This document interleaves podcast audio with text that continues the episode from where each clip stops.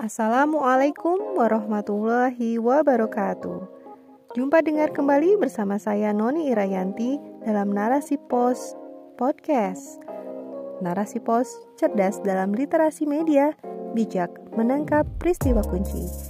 Kali ini kita akan mendengarkan rubrik motivasi berjudul Muruah Kita Ke mana Perginya oleh Ana Nazahah kontributor tetap narasipos.com.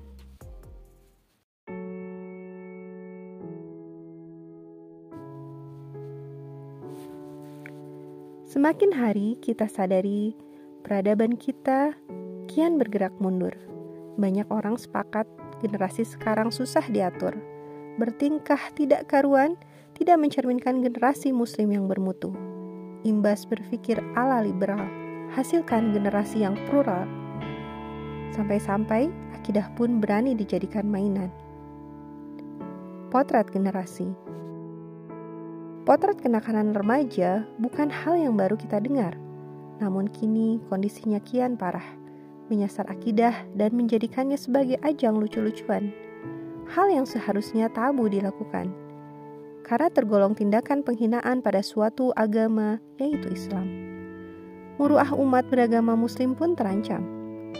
Seperti baru-baru ini, ada sekelompok orang yang kurang rasa malunya mempertontonkan sikap lepas hijab, divideokan dan disebar luas-luas. Suka sekali mereka, senang tak terkira. Mereka mengaku inilah lambang kebebasan. Karenanya, mereka menyeru kaum wanita lainnya untuk melakukan hal yang sama, untuk terlepas dari belenggu pakaian takwa. Tak sedikit yang mendukung aksi ini. Entah dari mana asalnya, ada saja kaum yang merasa peduli. Mereka mengatakan, "Kalian hebat karena berani menyuarakan hak-hak kalian." Mereka bermaksud agar segala sesuatu haruslah sesuai kata hati. Dengan itu barulah kaum wanita bisa disebut menang, mandiri dan berdikari, perwujudan dari wanita sejati. Ada banyak pujian sejenis yang mereka sematkan untuk para pelepas hijab itu, didukung atas nama toleransi dan hak berpendapat dan mengekspresikan diri. Begitupun aksi pawang hujan di sirkuit Mandalika yang disebut-sebut sebagai tradisi bangsa ini, mempertontonkan aksi perdukunan yang katanya bekerja dengan menggunakan gelombang otak teta untuk berkomunikasi dengan semesta. Ajaib sekali, terjadi di tengah masyarakat modern budaya tahayul dan irasional malah dibiarkan tumbuh subur. Apa yang benar-benar generasi kita dapatkan dari dua sikap tersebut? Bisakah sikap menyepelekan hijab atau apresiasi terhadap budaya tahayul tersebut mendorong peradaban umat berbangsa menjadi lebih baik? Nyatanya, hal ini hanya mengindikasikan lemahnya pola pikir umat dan rendahnya muruah bangsa karena berperilaku jauh dari tuntunan syariah umat beragama kehilangan jati dirinya. Inilah potret generasi kita hari ini. Muruah kita. Indonesia ini negara bermartabat. Merdeka atas rahmat Allah yang maha kuasa. Para ulama dan para pejuang bangsa terdahulu telah berusaha keras memerangi segala jenis penjajahan, membawa umat berbangsa menuju kemerdekaan dalam segala bidangnya merdeka dari segala perbudakan, fisik maupun pemikiran. Itulah cita-cita sejati pejuang kemerdekaan. Kemerdekaan hari ini jauh dari kesempurnaan, maka menjadi tugas kita bersama untuk melanjutkan perjuangan itu hingga meraih kemerdekaan hakiki. Dan kemerdekaan hakiki itu hanya bisa diraih dengan Islam. Segala perbudakan, penjajahan dan paham-paham asing yang berasal dari budaya barat dan budaya jahiliyah warisan nenek moyang yang menyembah pohon dan batu-batuan hanya bisa dihapuskan dengan Islam. Ya, itu karena Islam adalah satu-satunya agama sekaligus ideologi yang sahih. Allah lah yang telah menyempurnakan syariat Islam sebagai satu-satunya agama yang diridhoi olehnya. Sebagaimana firman Allah dalam Quran Surat Al-Maidah ayat ketiga yang artinya, Pada hari ini telah aku sempurnakan agamamu untukmu, dan telah aku cukupkan nikmatku bagimu. dan telah aku ridhoi Islam sebagai agamamu. Sebagai Muslim, sudah sepantasnya kita bersyukur. Islam adalah agama terbesar di negeri ini, sehingga tidak sulit bagi kita untuk membedakan mana tradisi yang harus diikuti, mana pula yang wajib ditinggalkan.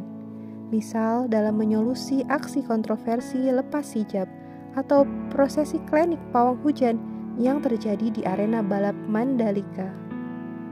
Seharusnya kita melihat persoalan ini dengan tolak ukur Islam maka semudah itu kita akan menemukan jawaban. Apakah tradisi itu bagian dari kita atau sebaliknya mengancam akidah dan muruah umat berbangsa? Segampang itu harusnya. Sayangnya, meski Islam adalah agama terbesar penduduk bangsa ini, namun ide dan metode berhukum kita masih menganut pola berpikir barat sebagaimana mereka meniadakan agama dalam kehidupan. Kita pun meniru mereka tidak mengindahkan hukum Allah dalam kehidupan kita. Walhasil, generasi kita ini kehilangan jati diri dan tak punya prinsip. Budaya penjajah dan jahiliyah pun diadopsi. Halal dan haram bukan patokan. Akibat sekularisme, muruah umat terbesar bangsa ini terancam. Sungguh miris, pola pikir mayoritas harus tunduk di hadapan ide-ide asing tidak aneh. Islam adalah agama yang menjunjung tinggi martabat manusia, senantiasa mengedepankan adab dan sikap rasionalitas. Syariat Islam memiliki ciri khas, yakni sesuai fitrah, masuk akal dan memuaskan hati. Karenanya Islam sangat melindungi martabat dengan memerintahkan kaum wanita berpakaian takwa dan melindungi akidah umat agar tidak ternodai oleh perbuatan syirik yang menjatuhkan muruahnya sebagai umat terbaik. Namun karena kita hidup tidak di bawah sistem Islam, maka yang kita saksikan hari ini adalah kondisi yang pelik. Beragam polemik muncul di tengah umat, menimbulkan kekacauan dan kontroversi. Dimulai dari kebijakan rezim yang inkonsisten, masyarakat abai dan apatis pada kebijakan yang nir solusi, hingga generasi muda yang dihantam budaya permisif dari segala bidang. Inilah imbas agama dijauhkan dari kehidupan. Segala kerusakan pun tak terhindarkan. Maka kita bisa lihat hari ini tradisi yang notabene bertentangan dengan syariat Islam dibela mati-matian. Jilbab yang merupakan syariat wajib bagi muslimah dijadikan ajang lucu-lucuan. Perintah Allah dan Rasulnya dijadikan bahan candaan. Jika begini, yakin agamanya masih Islam?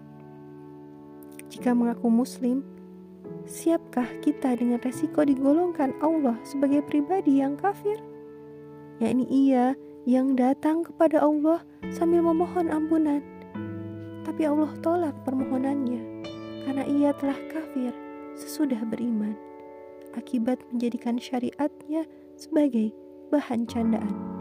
Sebagaimana firman Allah dalam surat At-Taubah ayat 65 dan 66. Artinya, apakah dengan Allah, ayat-ayatnya, dan Rasulnya kalian selalu berolok-olok? Tidak perlu kalian meminta maaf karena kalian telah kafir sesudah kalian beriman. Khotimah, siapa pun pastinya merasa khawatir melihat kondisi umat hari ini rezim yang abai, rakyat dihantam berbagai kesulitan, generasi muda yang sibuk dengan dunia opah-opahan. Muruah bangsa benar-benar di ujung tanduk, namun rasa khawatir itu tidak akan membuahkan apa-apa selama umat tidak menyadari bahwa muruahnya sebagai umat beragama dan berbangsa hampir-hampir tergadaikan. Jadi, ayo kita tingkatkan lagi kepekaan terhadap isu keumatan, menyadari masalah dan memahami solusi dalam timbangan kitabullah dan sunnah rasulnya. Rentetan masalah yang terjadi adalah karena Islam dijauhkan dari kehidupan.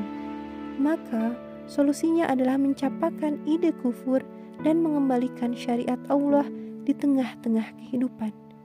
Begitulah cara satu-satunya kita mengembalikan muruah kita. Insya Allah.